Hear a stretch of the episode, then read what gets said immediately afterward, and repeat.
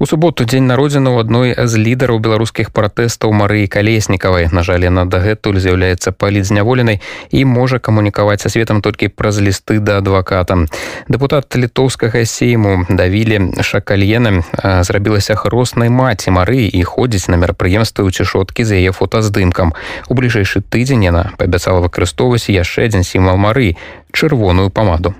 Мяне запрасілі ў ініцыятыву дэпутаты парламентаў за свабоду бо я працавала ў галіне правоў чалавека амаль 20 гадоў і мае калегі ведалі што гэта важнае для мяне пытанне.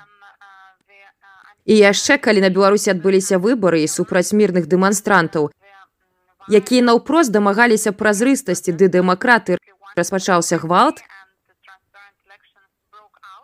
у менску на беларусі я заклікала паседжанне ў камітэце нацыянальнай бяспекі літоўскага сейму а таксама надзвычайнае паседжанне ў парламенце, бо я запрасіла адпаведныя дзеянні. У першую чаргу я звярнулася да еўрапейскага парламенту, каб былі ўведзеныя палітычныя санкцыі супраць прадстаўнікоў таталітарнага рэжыму Беларусі ды тых, хто меў дачыненне да ўжывання гвалту супраць мірных грамадзян. Гэта ўключала забарону на ўезд у еўразвяз ды злучанай штаты, а таксама забарону на карыстанне рахункамі ў еўрапейскіх банках. Гэтыя меры не пашкодзілі б грамадзянскай супольнасці Беларусі, але б з'яўляліся зразумелым паведамленнем рэжыму. Ведаючы ўсё гэта, кіраўнік камітэту замежных спраў жыгіс павільёнес звярнуўся да мяне, каб я далучылася да гэтай ініцыятывы дэпутатаў за свабоду, у якой кожны зрабіўся б хросным бацькам ці маці палізняволеных. Канешне, кожны з нас сам выбіраў сабе асобаў і для мяне Марыя Калеснікава была ідэальнай кандыдатурай для канекту і дапамогі. Бо, па-першае, Мне вельмі дбае мужны падыход Марыі, якая бараніла свой асабісты падыход ды права на выбар свайго кандыдата, які прымаў удзел у выбарах. А таксама таго, чый штаб яна падтрымлівала. Дэмакратыя ды сумленны празрысты выбары з'яўляецца адной з цэглаў, з якіх будуецца любая дэмакратычная дзяржава.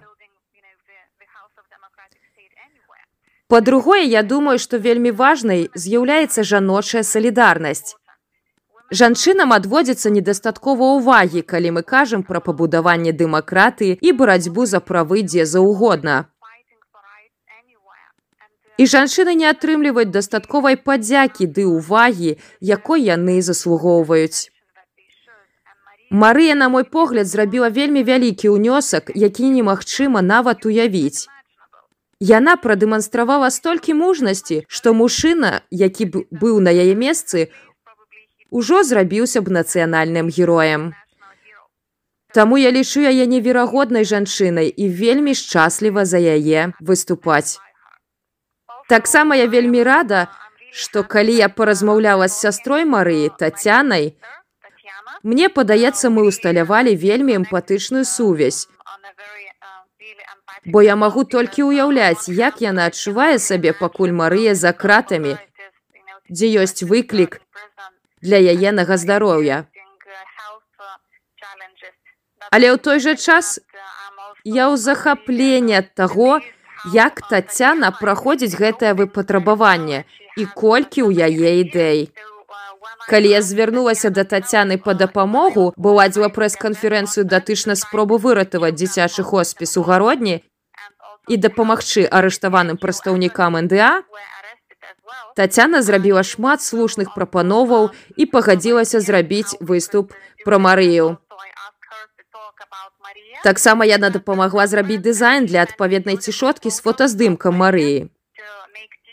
Я была ўсцешана зрабіць такія цішоткі для сабе і сваіх калег. Я апранула сваю не толькі на прэс-канферэнцыю, прысвечаную гарадзенскаму дзіцячаму хоспісу, але і падчас іншых мерапрыемстваў і падчас выступаў у парляменце. Я працягну апранаць гэтую цішотку, бо я лічу, што таталітарны рэжым чакае, што мы забудземся, ці стомімся, альбо што мы спынім барацьбу за свабоду непавінных асобаў.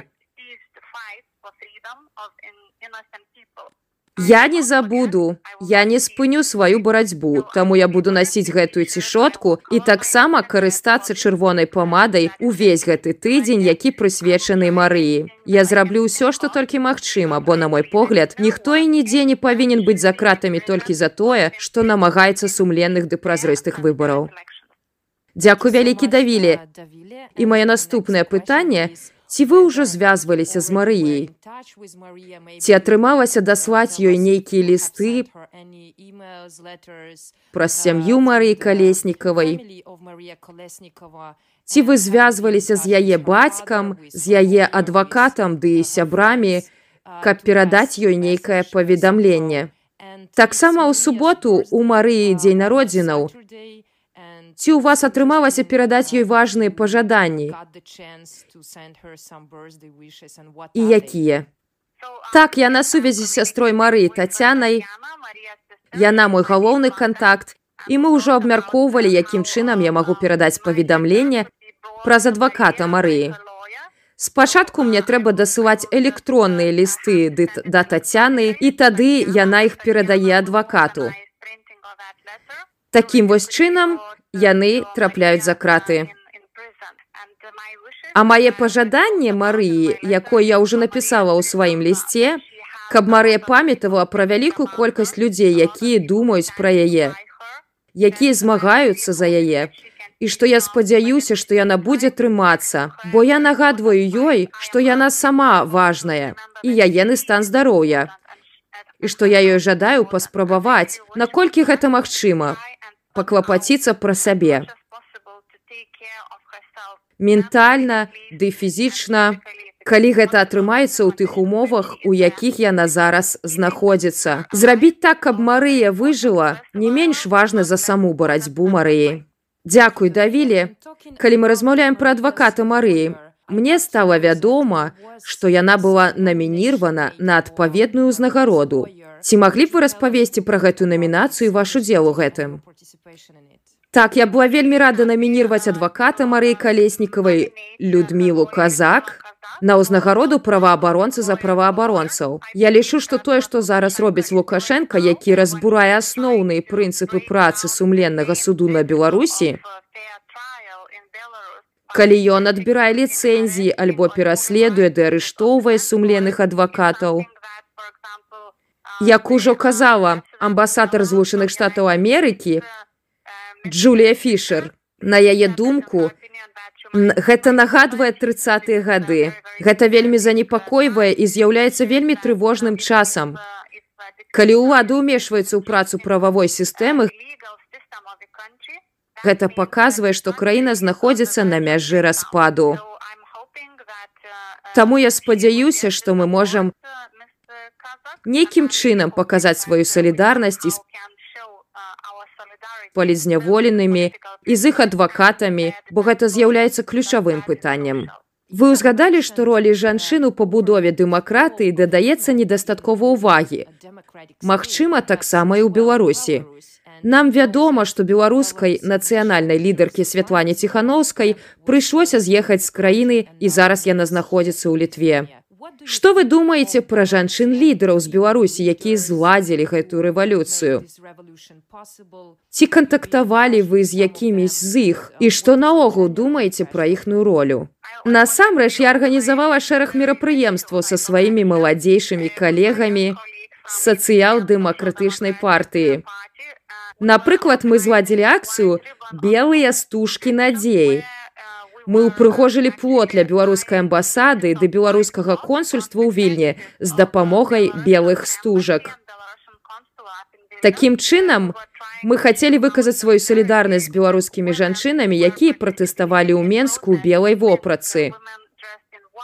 Нам падавалася, што іх мужнасць ды далікатнасць адлюстроўваюць парадаксальную сітуацыю, што часам мы слабейшыя фізічна, але мы не слабейшыя ментальна ды духоўна.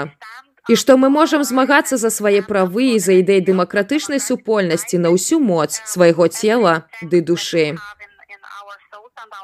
Таму на мою думку беларускія жанчыны зрабіліся галоўнымі героямі бо яны выходзілі не толькі за сабе але і за сваіх братоў мужэй бацькоў выходзілі безабаронна і стаялі насупраць вельмі ўзброеных міліцыянтаў ды ваенных узброеныя мапаўцы рэжыму лукашэнкі